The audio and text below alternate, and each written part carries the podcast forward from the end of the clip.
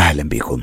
سهرة جديدة من سهرات الرعب الخاصة جدا مع مستر كايرو. بنت يتيمة اسمها أشواق بعد وفاة أهلها اضطرت تعيش هي وإخواتها لشهور طويلة في شوارع القاهرة. مشردين ومساكين. لحد ما ظهرت شخصية غامضة جدا. الشخصية دي اسمها مدحت باشا. أخدت الأولاد دول يعيشوا في فيلته. واللي عاشوا فيها سنين اكتشفت بعدها أشواق إن مدحت باشا مش فاعل خير لكن كان له غرض من تبنيهم وتحديدا تبنيها هي شخصيا والسبب كان إن أشواق زهرية الدم ومدحت باشا كان عايز يستخدمها في الكشف عن كنز مرصود في مقبرة من المقابر وبالفعل ده هو اللي حصل. لكن بسببه حصلت أحداث كتيرة جدا ورهيبة ومرعبة. إحنا وقفنا الأسبوع اللي فات عند اختفاء أخوها عوض في ظروف غامضة جدا بعد تدخل الجن. وهنكمل النهارده باقي الحكاية. لكن لو حابين تسمعوا أحداث الجزء الأول والتاني بكل التفاصيل اللي حصلت فيها هتلاقوا الروابط في خانة الوصف وكمان في أول تعليق. اللي سمعتوه ده مش مقدمة قصة أو فيلم سينمائي. دي قصة حقيقية عاشتها أشواق ودي هي قصة حياتها اللي بتحكيها لنا بالتفصيل الممل وإحنا بنذاعها على حلقات. دلوقتي لو حابين تكملوا معانا الحكاية يلا بينا. السلام عليكم مستر حسام وعلى كل المستمعين الكرام. أنا طبعا متوقع أن حضراتكم مستنيين تعرفوا بقية الأحداث وإيه اللي حصل بيني وبين مدحت وموسى بعد ما اختفى أخويا عوض. أنا مش هتأخر عليكم وهبدأ حالا أحكي لكم على اللي حصل. أنا وبعد ما اتاكدت إن أخويا بين إيدين اتنين من شياطين الإنس وشياطين بمعنى كلمة شياطين فعلا. قررت المرة دي أنحني شوية للعاصفة لحد ما تعدي. مش بمعنى إني أستسلم لشروطهم أو أقبل بيها لا طبعا. أنا عمري ما اعمل حاجة تغضب ربنا ولا عمري همشي في طريق الأسحار والدجل والأعمال الشيطانية. بس دول ناس مكرين وغدارين وأنا لازم أتصرف معاهم بذكاء علشان أقدر عليهم. حضراتكم دلوقتي بقيتوا عارفين إني مش لوحدي في الحرب دي. أنا معايا رفقة صالحة. يقدروا يساعدوني ويحموني ويشوروا عليا أتصرف إزاي. وفعلا أنا عرفت إن موسى ومدحت هياخدوا أخويا عوض للمكان الملعون مكان الكنز على أساس يقدموه قربان بدل مني. ما هو عوض برضه من دمي حتى لو هو مش زيي. موسى ومدحت في محاولة يائسة منهم بيحاولوا يعملوا عهد جديد مع الجن الرصد ويلاقوا حل بديل وطبعا بالدم البشري. ومفيش أكيد أحسن من أخويا يرادوا بيه الكيانات السفلية علشان ينتقموا مني هما الاتنين في نفس الوقت. علشان زي ما حضرتك عارف الحقد عليا من جهتهم هما الاتنين.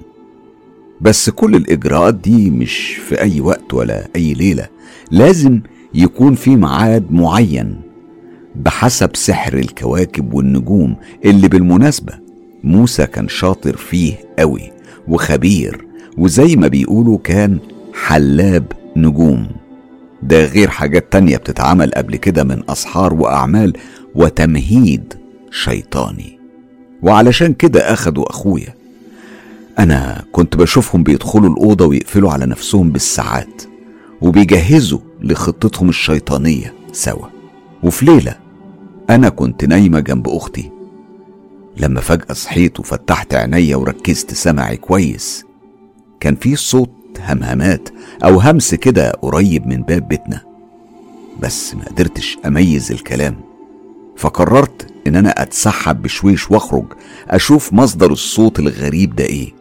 وفعلا يا مستر أنا لما فتحت شوية من الباب وبصيت شفت لقيت موسى الساحر قاعد على بعد كام متر كده على الأرض. جنب منه كان في جردل مية. كان فارش على الأرض كمان وقدامه قماشة بيضة مرسوم عليها باللون الأسود. جداول كتير وأرقام وحروف ورموز كتيرة. أنا خرجت بكل هدوء ووقفت ورا شجرة علشان أكون قريبة من المشهد ده. وخليني أوصف لحضرتك أنا شفت إيه. كان موسى ماسك في إيديه عصاية رسم بيها دايرة حواليه وحوالين القماشة إياها وأخد الجردل وبقى يحط فيه حاجات معرفش هي إيه بالظبط. كانت مختلفة عبارة عن مصاحيق وسوائل كمان بس أنا قدرت أميز حاجة تانية على جنب منه. أول ما شفتها حسيت بالقرف والاشمئزاز. الحاجة دي كانت جمجمة بشرية. أي أيوة والله. جمجمة. حطها جوه الجردل ده وبعد كده خرجها وحطها تاني. وخرجها كام مرة وهو بيتمتم بصوت واطي بكلام ما سمعتوش. ومش محتاج أفكر كتير. دي أكيد طلاسم وتعاويذ شيطانية. بعد كام مرة زي ما قلت لحضرتك حط الجمجمة قدامه وطلع عصاية صغيرة مبرية زي القلم. وبعدين خرج من جيبه إزازة صغيرة كمان. كان بيغمس في العصاية دي أو القلم يعني جوه الإزازة دي وبيرسم فوق الجمجمة أشكال ورموز بأحجام مختلفة وبلون أحمر. وعلى الجبهة بالظبط رسم جدول صغير مربع يمكن من أربع أو ست مربعات صغيرة. أنا بصراحة مش متأكدة. وجوه الجدول ده كان رسم يعني كان هو رسم أشكال تانية غريبة. على يمين وشمال الجدول ده وفوق كمان رسم نجوم كتيرة معرفش عددها بس كانت كتيرة وبحجم صغير. بعدها قلب الجمجمة ورسم على قفاها. نجمة سداسية كبيرة وكتب حاجات بطريقة غريبة وبنفس الحبر الأحمر اللي في الإزازة. وتحت النجمة دي رسم كمان مثلث شبه مثلث برمودا. وهو لسه مواصل طبعا في ترتيل الطلاسم والتعويذ بتاعته. هو ما حسش خالص بوجودي كان مركز قوي ومنغمس في اللي هو بيعمله. وليلتها. كان القمر بدر ومنور في السماء وده كان الشيء اللي سمح لي أشوف كل اللي وصفته لك. بعد كام دقيقة بقى حصلت حاجة غريبة قوي شبه المشاهد اللي بنشوفها في أفلام مصاص الدماء. آه والله. علشان أنا سمعت صوت زي رفرفة جناحين كده. صوت الرفرفة ده كان واضح وقوي. كان صوت حاجة بتخبط في الهوا زي مثلا لما تاخد عصاية وتبقى بتلوح بيها في الهوا كده. هو ده كان نفس الصوت اللي سمعته. أنا استنيت أشوف إيه اللي هيحصل. والمفاجأة إني شفت حاجة أو كيان ضخم بيقرب من موسى وهو طاير في السماء. ولما أصبح على بعد مسافة منه أنا قدرت أميز هو إيه بالظبط. الشيء ده كان خفاش أسود كبير قوي بيطير فوق راس موسى. الخفاش ده كان حجمه تقريبا بحجم النعامة. تخيل حضرتك. والله زي ما بقول لحضرتك كده. أنا كنت مبرقة من الصدمة وجامدة في مكاني من غير ولا حركة. لما الخفاش نزل على الأرض قدام موسى بالظبط وضم جناحيه الاتنين بقى شبه شخص عملاق مرعب واقف. موسى كان لسه باصص لتحت وكان مكمل في اللي بيعمله وبيقوله. أنا هنا سمعت صوت الشيخ في وداني وهو بيقول لي ألاء اقري يا بنتي اقري الآيات اللي حفظتها لك دلوقتي بسرعة. أنا يا مستر استعذت بالله من الشيطان الرجيم وسميت الله وبدأت أقرأ في الآيات. كنت بكرر في الآيات دي بالشكل اللي اتعلمته. لما فجأة شفت الخفاش ده بيفرد جناحه من تاني وبيطير بسرعة عجيبة وبيختفي وسط الضلمة. الخفاش ده يا مستر كان من الشياطين الخدام لسحر الكواكب والنجوم وموسى استدعاه علشان أعماله القذرة واللي كانت بالمناسبة موجهة ليا علشان يقفل أختامي. ويحجب عني الرفقة الصالحة ويستفرد بيا. بس هو أول ما سمع الآيات دي خاف وهرب. أنا ليلتها أفسدت كل اللي كان ناوي عليه موسى الشيطان بإذن ربنا سبحانه وتعالى. المشكلة يا مستر إن حتى لو خادم سحر الكواكب ده اتحرق ومات. بيجي واحد تاني غيره في مكانه من قبيلته علشان يكمل شغله. علشان كده سحر الكواكب ده من أخطر وأبشع أنواع السحر وأصعبهم كمان. علشان محتاج علم ودراسة دقيقة قوي فمش هتلاقي كتير من السحرة المتمكنين من النوع ده كتير في العالم اللي إحنا عايشين فيه. ودي نعمة نحمد عليها ربنا. المهم طقوس موسى كانت ناقصة وملحقش يكملها. ما حطش في حسابه خالص اللي حصل ليلتها. هو كان مغرور وواثق جدا في قدراته علشان كده بعد المشهد الغريب ده. شفت موسى نط من مكانه وهو في حالة من الذعر والارتباك. كان بيبص حواليه زي المجنون وصرخ بأعلى صوته باسمي وهو بيقول مش هتقدري تبطلي كل حاجة يا أشواق. المرة دي نجحت بس المرة اللي جاية هتندمي. انت استني عليا بس. طبعا يا مستر حسام. موسى مش هيقدر يعيد الطقوس بتاعته ليلتها لأنه لازم يعيد تقدير منازل الكواكب والنجوم من تاني والطالع وأيام السعيدة وأيام التعيسة زي ما بيعتقدوا سحرة النوع ده من السحر علشان يقدر يحدد ليلة جديدة يتمم فيها السحر بتاعه. كل المعلومات دي طبعا أنا ما كنتش أعرف عنها حاجة في وقتها. بس بعد كده أنا اتعلمت من الرفقة الصالحة كل حاجة. أنا ليلتها كمان أول ما لفيت علشان أرجع البيت شفت أجمل منظر في حياتي. منظر وهبني ربنا سبحانه وتعالى موهبة وكرامة إني أشوفه. أنا شفت ملك النورانيين ولأول مرة من أول ما ربنا رزقني صحبته وهو فارد ستة من الأجنحة الكبيرة والجميلة قوي. وطاير على مسافة مش بعيدة مني. كانوا تلاتة من الجهة اليمين وتلاتة من الجهة الشمال.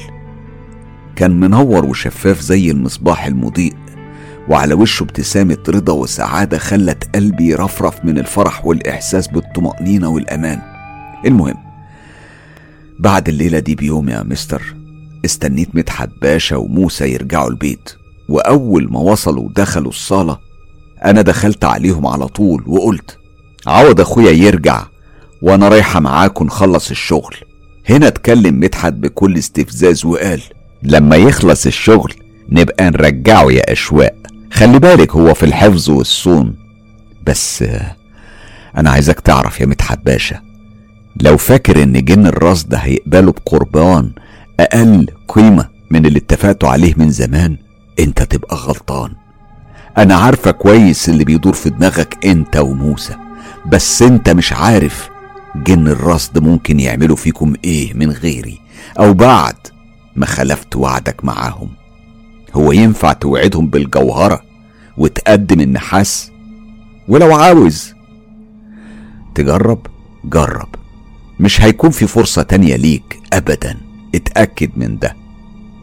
هنا أنا شفت ملامح الارتباك والتردد على وشوشهم. كانوا بيبصوا لبعض في حيرة وبعد كام دقيقة اتكلم مدحت وقال ماشي يا أشواق أنا موافق بس يكون في علمك لو المرة دي رفضتي أي حاجة أو حاولتي تلعبي معانا مش هيكفيني دمك ودم إخواتك. أنا حذرتك أهو. طبعا يا مستر كان لازم أهودهم وأمثل عليهم الاستسلام والطاعة لحد ما أضمن سلامة أخويا وأشوفه بعناية سليم وبعيد عن أي خطر لأن دول دول مجرمين ومش بيهزروا. أرواحهم شيطانية والطمع في الكنز والثروة خلاص كان سيطر عليهم. ليلتها طبعا لما عوض رجع البيت كان مش فاهم الحكاية وما كانش عنده أي فكرة عن قذارة وبشاعة مدحت باشا. واللي ناوي يعمله من زمان. علشان كده لما اجتمعنا في البيت أنا اضطريت أشرح لهم كل حاجة وطبعا المسموح بيها بس وأفهمهم اللي حصل. حكيت لهم على كل الأوقات الصعبة اللي عشتها وإزاي مدحت باشا كان مخطط لكل حاجة من أول يوم قابلناه فيها. كانت نظرات الذهول والدهشة على وشوشهم صعبة اوصفها بس لأنهم كانوا يعرفوا طبعي. من أول ما كنت صغيرة وإني مستحيل مستحيل أكذب أو أتكلم على حاجة مش صحيحة. كانوا أكيد افتكروني مجنونة أو بتخيل أو حتى بكذب عليهم. بدأوا يربطوا الأحداث ببعض من أول ما بقيت أروح مع مدحت باشا بالليل وتعب سلمى لغاية التغيير اللي حصل لي وإزاي بقيت كده. وبعد ما خلصت كلامي اتكلم عوض أخويا وقال انت فاكرة يا أشواق إني ممكن أسمح لك تروحي معاهم لوحدك وأقعد ساكت؟ ليه؟ هم مفكرين إيه؟ عبيد عندهم؟ أنا لا يمكن أسيبك مع الوحوش دي أبدا يا أختي. ما تخافش على أختك يا عوض. أنا معايا ربنا. سبحانه وتعالى أقوى من مدحت وموسى وكل الشياطين. وكمان هقول لك على حاجة. أنا معايا قبيلة كاملة من النورانيين. بتحميني. أنا مش بفهم في الكلام ده يا أشواق ولا هكذب عليك وأقول لك إني مستوعب كلامك. معلش يا أختي أنا مصدوم ومذهول. يعني في يوم واحد أعرف مدحت الكلب ده على حقيقته وأشوف وشه البشع وكمان أعرف كل الحاجات دي على أختي. اعذريني يعني أنا أنا, أنا محتاج وقت. مفيش وقت يا عوض. مدحت مش هيرحمنا يا عوض. مش هيرحمنا يا أخويا بجد. هم عندهم ميعاد معين يتمموا فيه تعاويذهم وسحرهم فمش هيستنوني بقى لما أقرر أنا أو عليهم هنا اتكلمت سلمى اللي كانت طول الوقت مبرقة وفاتحة بقها من الصدمة من كل الكلام اللي سمعته وقالت خلاص إحنا ملناش قعاد في البيت ده إحنا لازم نهرب من الوحوش دي في أقرب فرصة. و... أو حتى نسيب البلد نهرب نهرب نروح فين؟ بس يا سلمى وانت مفكرة حتى لو هربنا هيسيبونا في حالنا يا أختي. كلامي أنا وإخواتي خلص ليلتها على كده. أنا طمنتهم بالعافية إني هقدر أحميهم وهحمي نفسي وهتصرف مع مدحت وموسى. بعد يومين من الواقعة دي كانت الليلة الموعودة. جهزت نفسي ودعيت ربنا كتير قوي. وكمان طمنت اخواتي وركبت مع مدحت وموسى العربية علشان نروح طبعا للمكان الملعون إياه. كانوا مبسوطين وحاسين بالانتصار لكنهم ما كانوش عارفين إيه اللي مستنيهم. أول ما وصلنا طبعا جهز موسى كل حاجة أقصد رسم الدايرة ولونها باللون الأسود وكتب كل الطلاسم وشعل الشموع وقرب مني وهو ماسك ورقة عاملة زي المخطوطة وطلب مني أقرأ اللي فيها. الأغبياء كانوا ناسين إني أمية وما بعرفش أقرأ ولا حرف حتى. ويمكن يمكن دي رحمة من ربنا يا مستر حسام. هنا أنا اتكلمت وبكل هدوء وأنا ببص على مدحت باشا.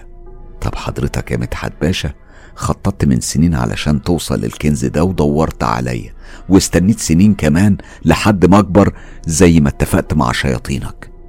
إزاي تاهت عليك خطوة مهمة وأساسية زي دي؟ إزاي ما علمتنيش أقرأ؟ ما أنت عارف أنا عمري ولا دخلت مدارس ولا أعرف أمسك قلم. هو أنت كنت ناوي تذبحني وتقدم دمي وبس ولا إيه؟ ولو كان كده كان سهل عليك تذبحني وأنا صغيرة ولا أنا غلطانة؟ أنت ليه استنيت كل السنين دي؟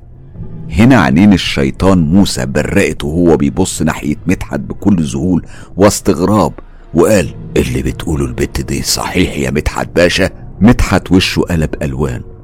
كان بيتهته في الكلام وهو بيرد بعصبية. آه, آه, آه إيه ده؟ صحيح. أشواق ما تعرفش تقرأ والعهد كان إنها تفتح المقبرة وتبقى في صفنا على طول. يعني تبقى ساحرة جامدة يعني مش قربان. بس هي غبية وما تعرفش مصلحتها فين. موسى اتنفض من مكانه وكل ملامح الغضب كانت على وشه. قرب من مدحت وانفجر في وشه زي البركان. عينيه كانت بتطق شرار وقال نعم. يعني إيه؟ هو أنت مش عارف إنها لازم تقرأ الطلاسم بنفسها وتكرر التعاويذ إيه الهبل ده؟ إزاي تفوتك حاجة زي دي يا مدحت باشا؟ نعمل إيه دلوقتي؟ دي الليلة الموعودة وأنا جهزت كل حاجة وتعبت قوي علشان كل حاجة تبقى تمام. معرفش يا موسى معرفش. أو ده اللي حصل. اتصرف بقى شوف لك حل. لحظتها وهم في عز اللخبطة دي والحيرة كانت فرصتي علشان أتصرف. أنا اتكلمت بكل براءة زي ما أكون بجد عايزة أساعدهم أو كأني يعني لقيت الحل. وقلت خلاص خلاص يا موسى أنت قول وأنا هقول وراك كل حرف بالظبط. يلا. يلا بلاش نضيع وقت أنا عايز أخلص من الموضوع ده بقى وأروح. والله يا مستر معرفش إزاي موسى الساحر عدت عليه الحيلة دي. يمكن الطمع عمى عينيه أو اليأس خلاه يستسلم لاقتراحي واتجه ناحيتي وقال أوعي تغلطي في أي كلمة يا أشواق أنا هكون وراكي تمام وهتسمعيني كويس. يلا تعالي ادخلي الدايرة واقعدي في الوسط بالظبط. وغمضي عينيكي وأوعي تفتحيهم مهما حصل. أو سمعتي أنت فاهمة؟ حاضر حاضر. أنا فاهمة. وفعلا. أنا دخلت الدايرة وقعدت زي ما موسى طلب مني بالظبط وغمضت عينيا. كمان كنت بردد في سري آيات من القرآن الكريم طبعا. وأول ما موسى حس بالراحة من ناحيتي وافتكر إن هو خلاص كده سخرني وإني استسلمت وقف ورايا على بعد كام خطوة. وفتح الورقة وبدأ يقول في كلام بلغة غريبة عمري عمري ما سمعتها. صوته كان واضح ومسموع جدا وأنا كنت بردد وراه بس اللي حصل ليلتها واللي عمري ما نسيته اللحظة وتحديدا للحظة اللي بكتب فيها لحضرتك هو كالتالي. ضربت فجأة رياح قوية جدا المكان. لا دي ما كانتش ريح كانت تقريبا زي الإعصار. الرملة بقت طالعة لفوق من كل مكان عاملة زي الدوامات الضخمة. حجبت الرؤية خالص عنهم. بقول لحضرتك عنهم علشان أنا كنت شايفة كل حاجة ومتابعة المشهد بكل وضوح. رمال الصحراء يا مستر حسام بقت عبارة عن أمواج بحر هائج وصوت عواء الدياب إياهم والعاصفة ملا المكان. زاد المشهد رعب ورهبة.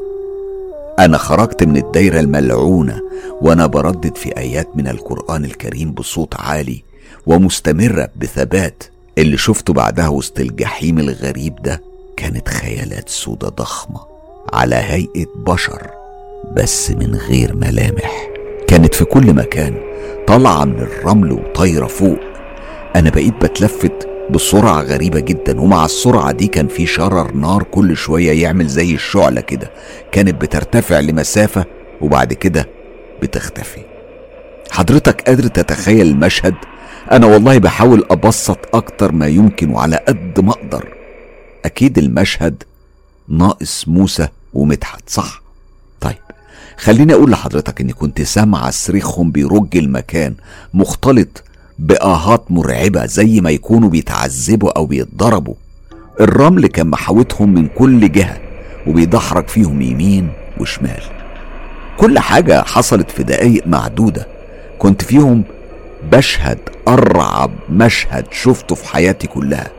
صحيح أنا كنت واثقة جدا بربنا سبحانه وتعالى وقدرته على حمايتي من الشياطين دول.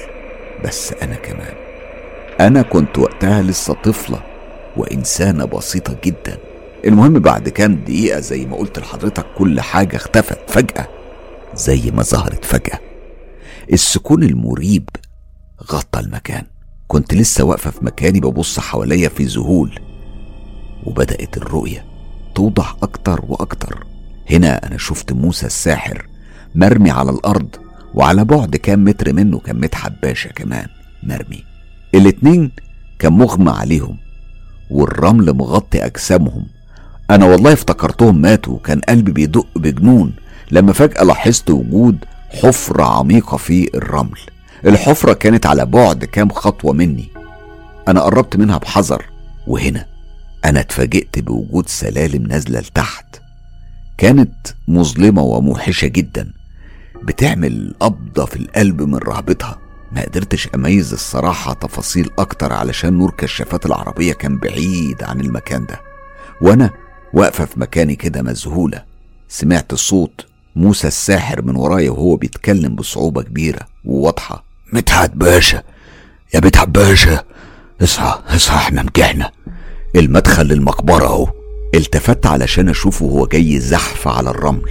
هو ما بصش عليا ولا أظن أصلا إنه كان شايفني من فرحته. أنا تراجعت للورا كام متر وشفت وقف بصعوبة وراح على العربية وجاب منها كشافات ومسك طرف الطرف بتاع جلابيته بسنانه ونزل أول سلمة.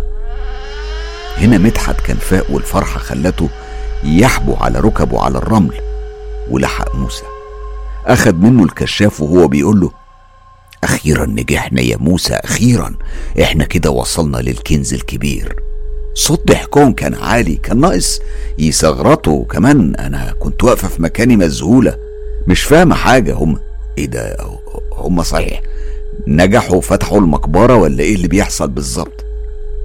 بس فجأة شفتهم وهم راجعين لورا في ذعر وخوف. كانوا بيقعوا وبيقوموا تاني. وكان في تعبان ضخم أسود بيزحف ناحيتهم وطالع من الحفرة. وهو بينفخ نفخ مش مجرد فحيح. كانت أنيابه بارزة وواضحة برغم إن الرؤية كانت على قدها. ولما أقول لحضرتك تعبان ضخم حاول تقارنه كده بتعابين الأناكوندا العملاقة أو أكتر علشان هو كان حجمه كده. بس تقول إيه حضرتك في عمل بصيرة عند البشر اللي زي موسى ومدحت والطبع اللي يخلي البني آدم غبي ومتهور حتى في مواقف زي دي؟ موسى وبدل ما يهرب أو يجري بقى بيقول في طلاسم وكلام غريب زي ما يكون بيتحدى الكيان المرعب ده. ومدحت كان لازق في جنبه زي العيل الصغير من الخوف والرعب وهو بيرتعش ومكلبش في دراعه بس صوته كان مهزوز وبيرتعش. هنا يا مستر حسام حسيت بالأرض بتتزلزل تحت رجليا. والله سمعت صوت خطوات قوية كان مصدرها الحفرة. إياها وكانت الخطوات بتقرب والصوت كان بيبقى أرعب وأشد. ولما ركزت بصري كويس شفت خيال لعبد أسود ضخم شديد السواد بجد. كان طالع من الحفرة شبه عاري تقريبا إلا من حاجة كده مغطية شوية مكان السرة والعورة بس. أنا ما قدرتش أشوف ملامحه علشان أنا كنت واقفة على جنب وبعيدة كم متر وأنا بقول كلمة عبد. مش علشان كان اسود معاذ الله بس هو كان على هيئة العبيد بتاع زمان وعلشان أقرب الصورة لحضراتكم. العبد ده وأول ما بقى بره وعلى بعد كام متر من موسى ومدحت اتكلم بصوت عميق ومرعب وقال أنت عارف إن العهد معايا بيكون بالدم يا موسى أو إن الزوهرية تكمل المطلوب وتبقى معانا. بس اللي اتفقنا عليه انت ما قدرتش تكمله وخلفت بوعدك وبسببك أنا وقابلتي علينا عهد اننا ما نقربش من البنت الزوهرية دي ابدا فلو عايز تجرب تاني وتزعجنا وتقلق راحتنا عقابك هيكون الموت وعلشان اللي عملته الليلة دي برضو انت لازم تتعاقب وتاخد جزاء. جرأتك وتحديك لينا وخلافك بالعهد. انت واللي مسخرك لخدمته. وفي لحظة يا مستر حسام وفي غفلة كده لقيته بيلتفت ويبص ناحيتي. لحظتها بس أنا شفت عين حمرة زي الجمر كلها شر وغل. بعد كده لف ورجع ونزل الحفرة ووراه التعبان العملاق المخيف. أنا مهما حلفت لحضرتك ولمستمعينك الكرام إن كل حرف وكل كلمة بحكيها حصلت. يمكن الشك يدخل قلوبكم وأنا والله متفهمة لأن المشهد والحكاية كلها شبه الخيال. بس العالم ده مليان أسرار وحاجات يمكن أكتر غرابة من قصتي. المهم بعد لحظات قدام ذهول موسى ورعب مدحت. الرمل بقى بيتحرك ويتموج كده والحفرة اتردمت واختفت زي ما تكون عمرها ما ظهرت. هنا موسى ومدحت انهاروا تماما. وقعوا على الرمل وكل ملامح الإحباط والغضب والرعب كانت باينة على وشوشهم. وقبل ما ينطقوا بحرف واحد شفت موسى بيقف وبدأ يدور حوالين نفسه في حركات هستيرية ومجنونة وهو بيصرخ وكان حاطط إيديه الاتنين على عينيه وبيقول أنا مش شايف حاجة أنا مش شايف حاجة يا مدحت باشا أنا اتعميت أخدوا بصري أخدوا بصري.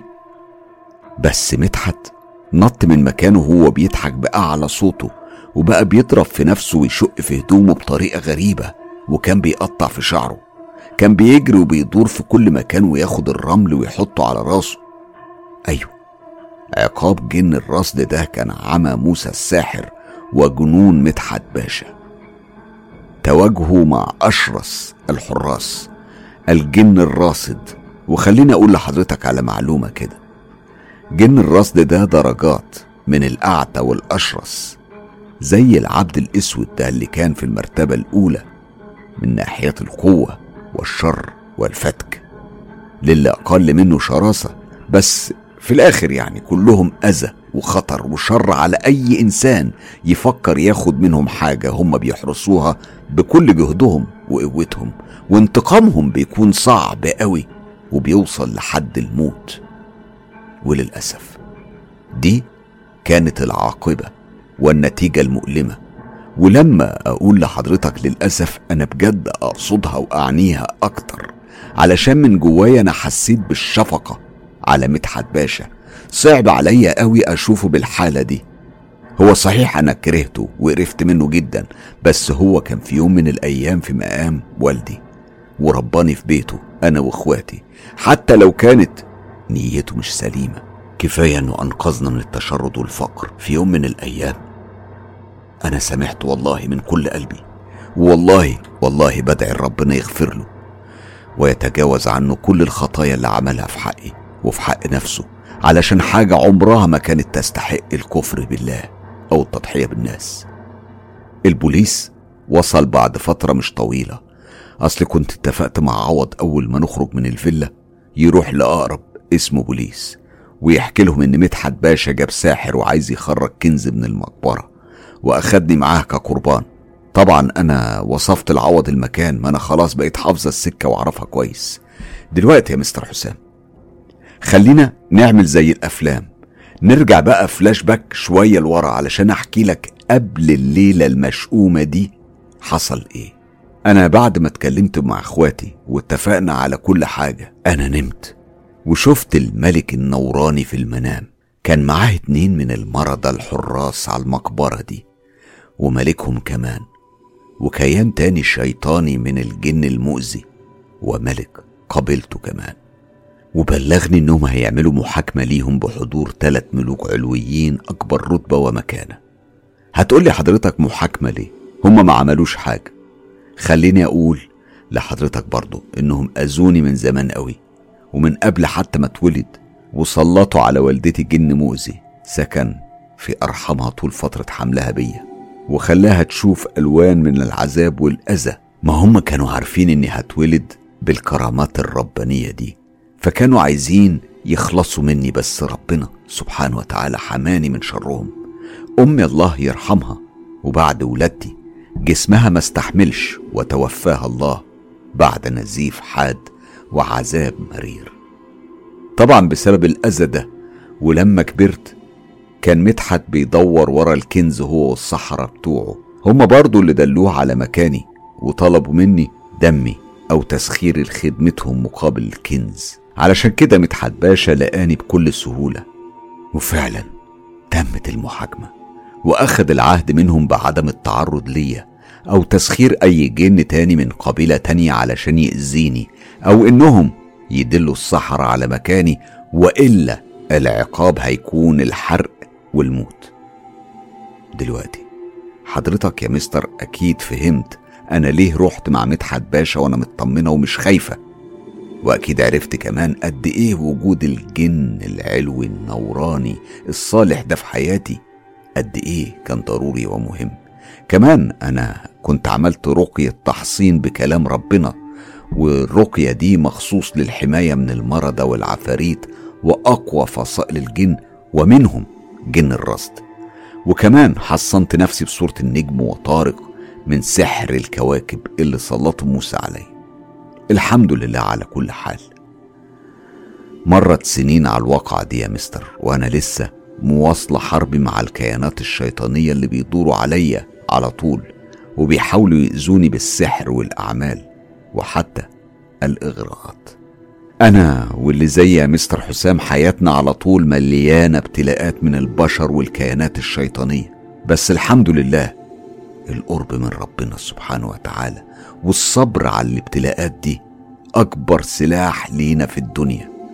وبتعمل حوالينا هالة وطاقة قوية ما تسمحش لأي كيان مهما كان أو أذى إنه يقرب مننا. ده من فضل ربنا علينا. أنا كمان اتعلمت إزاي أعالج الأمراض الروحانية والمس وإزاي أرقي بكلام ربنا وبحاول بكل جهدي إن أنا أكون عون بعد الله لأي إنسان. وأخيرا نصيحة مني لأي حد سمع حكايتي بلاش الجري وراء الثراء السريع بالشكل ده وبلاش تخلوا وسوسة الشياطين تجركم لطريق أسود طريق السحر والدجل والأعمال. علشان نهايته وحشة قوي. ربنا يحفظكم من كل شر. تحياتي. أشواق. ملاحظة مهمة. أنا وإخواتي كملنا حياتنا في بيت مدحت باشا مع مراته وأولاده لسنين. خدمنا فيهم مراته مدام هناء وأولاده بكل حب ووفاء. أصلهم ملهمش ذنب في اللي حصل ولا كان عندهم فكرة أساسا. لحد ما ربنا سبحانه وتعالى فتح على عوض أخويا بشغل في بلد عربي وفتح لنا بيت عشنا فيه سوا أنا وسلمى. أما مدحت باشا فعاش كام سنة في مستشفى الأمراض العقلية كلها عذاب وكوابيس لحد ما توفاه الله. ولو هتسألني ليه ما ساعدتهوش أو حاولت أخلصه من اللعنة دي فأنا حابة أقول لحضرتك إني وقتها كنت لسه مش متحكمة كويس في أختامي وقدراتي وما كنتش أعرف كل الأسرار العلاجية اللي أنا بعرفها دلوقتي.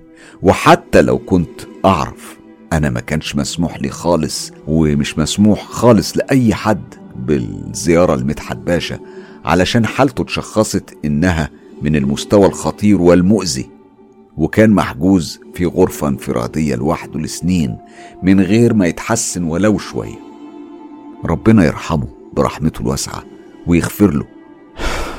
ما شفتش موسى الساحر في حياتي من تاني خالص ولا سمعت عنه أي حاجة أبدا.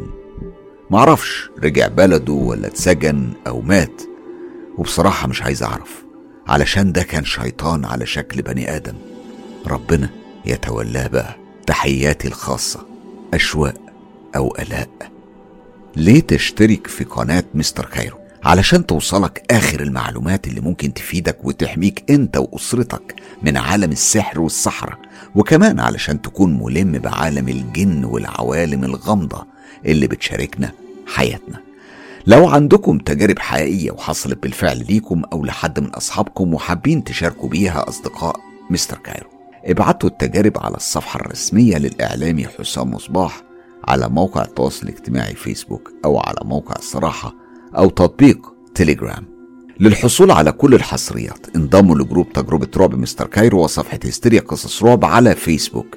أما بقى لو حابب تدعم تجربة مستر كايرو ادعموا بالاشتراك في القناة والإعجاب بالكليب لو عجبكم طبعا. و share الكليب في كل مكان واتساب ماسنجر إنستجرام وأخيرا تليجرام خلي الدنيا كلها تعيش تجربة مستر كايرو. عارف لما تغمض عينيك وتلاقي مشاهد وصور من رحلتك في الحياة بتمر قدامك؟ لقطات من سنين طويلة فيها حاجات انت أحيانا بتكون مش فاهمها لحد اللحظة دي. هو ده أقرب تصور لحكايتي وتجربتي المرعبة واللي حصل فيها. أنا دلوقتي قاعد في مكتبي ومطفي الأنوار كلها ومغمض عينيا وبتفرج على شريط حياتي بيجري قدامي. وبحكي لكم على اللي عشته واللي حصل لي. لكن قبل ما أقول أي حاجة عايز أطلب منكم طلب غريب شوية. وأنت بتسمع اقفل على نفسك مكان أنت كمان وخليك لوحدك وطفي الأنوار ودايما اسمعني بالليل وبس. مش لحاجة يعني أكتر من إنك تقدر تهضم اللي هحكيه. لأن لليل قواعد وحراس. هيساعدوك إنك تفهم وتستوعب. خلي بالك. كل كلمة وكل تفصيلة هتسمعوها. حصلت وعشتها بكل غرابتها ورعبها. ونقول بسم الله. الساحر الدكتور والشيطان سر حرف الدال. أعادت صياغة التجربة حسب سمعها هاجر مجدود كاتبة تونس الأولى. هتسمعوا الحكاية بصوت مستر كايرو. معادنا يوم الاثنين 6 يونيو على قناة مستر كايرو.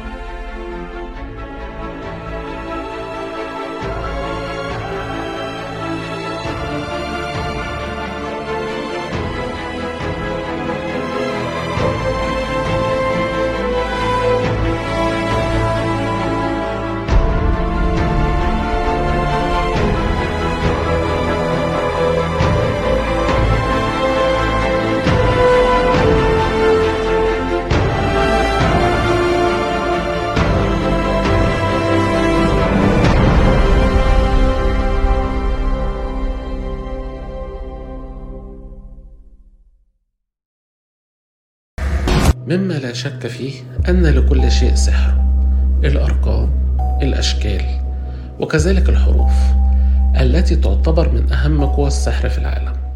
وأنا أعتبرها هي اليد الخفية لتسخير أباطرة الشر لتحقيق أكثر أحداث رعبا على وجه الأرض. لذلك إن كنت من أصحاب القلوب الضعيفة فلا تبحث عنها. لا ليس عن الحروف ولكن عن كاتبة تونس الأولى هاجر مجدود وعراب السحر في الوطن العربي الإعلامي الكبير حسام مصباح لتعرف سر حرف الدال. استغليت علاقتي القوية بكاتبة تونس العبقرية هاجر مجدود وسألتها إيه هو سر حرف الدال؟ قالت لي ما تفكرش فيه عشان هو ما يفكرش فيك ولو عايز تعرف مصير المتطفلين اللي زيك اسمع قصة. حرف الدال بصوت العراب حسام مصباح على قناة مستر كايرو. اللغة العربية أعظم اللغات وحروفها مميزة بزاف منهم حرف الضاد الحرف اللي ما كانش في أي لغة في العالم وهذا الشيء معروف عند الكل. لكن اللي مش معروف إنها عندها أرعب حرف. إيه عندها أرعب حرف. اللي هو حرف الدال. يا درا وش هو الرعب اللي مخبيه حرف الدال؟ حابين تعرفوا؟ تابعونا على قناة مستر كايرو. كانت معاكم الأضمن مروة بن داود من الجزائر. بين الواقع والخيال في خيط رفيع جدا بيفصل ما بينهم. اسمه الحقيقة. والحقيقة دايما بتكون مؤلمة. الدكتور الشياطين والجان وحرف الدال اللي بتدور حواليه علامات استفهام كتيرة. قريبا حقائق وأحداث مفزعة ومرعبة بيرفع عنها الستار على قناة مستر كايرو. فرقان المدني admin قناة مستر كايرو من مصر. الدال. صراع أزلي وقائم مهما تغير الزمان. الدال أسرار بنرفع الستار عنها وحقائق بنحكيها في قصة. مع الدال بيبدأ الرعب على قناة مستر كايرو. شادي علي admin قناة مستر كايرو من اليمن. دال قصة رعب قريبا على قناة مستر كايرو الحلقة الأقوى ولمن يجرؤ فقط. للخوف مذاق آخر. قريبا ترون الخوف على أصوله. دال قصة رعب قريبا على قناة مستر كايرو. admin قناة مستر كايرو خضر طنطورة فلسطين سويسرا. عالم مستر كايرو عالم غريب فريد متميز عالم كل حاجة فيه بتتغير بكل مقاييسها حتى الحروف. حرف الدال مش مجرد حرف في عالم مستر كايرو. حرف الدال وراه حكايات غموض وإثارة ورعب. استنوا المفاجأة مع الإعلامي المتميز حسام مصباح والكاتبة المدهشة هاجر مجدود. إيمان حسن admin قناة مستر كايرو من مصر.